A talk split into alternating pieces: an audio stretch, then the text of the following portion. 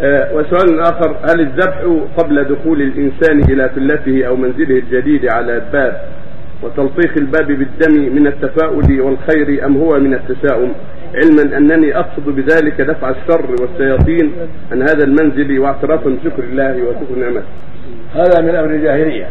كانت كان أهل الجاهلية يذبحون عند نزول المنزل يذبحون عند عند على الباب أو عند السيسان سيسان الجدران.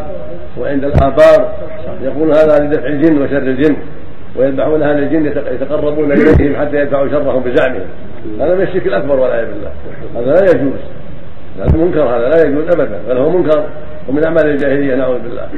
وقد جاء وقد روي عن النبي أنه نهى عن ذبح الجن. المقصود أن هذا من الذبح لغير الله. والله يقول جل وعلا فصل ربك وانحر. ويقول قل إن صلاتي ونسكي يعني ذبحي. ومحياي ومن لله رب لا شريك له. ويقول النبي صلى الله عليه وسلم لعن الله من ذبح لغير الله. وهذا الذي يذبح عند الابواب وإن كان قصد قصد بالذبح وجه الله لكنه وسيلة إلى الشرك وعادة جاهليه يحييها فلا يجوز هذا.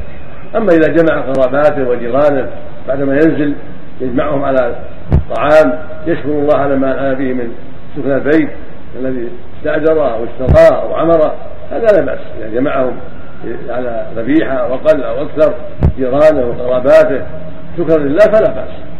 نعم. سمى عيد؟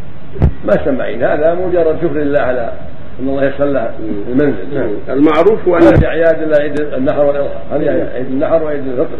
هذه اعياد مسلمين ما في اعياد نعم. هذه يسمونها النزالة. هذه النزالة. المعروف أن من مباح لا بأس.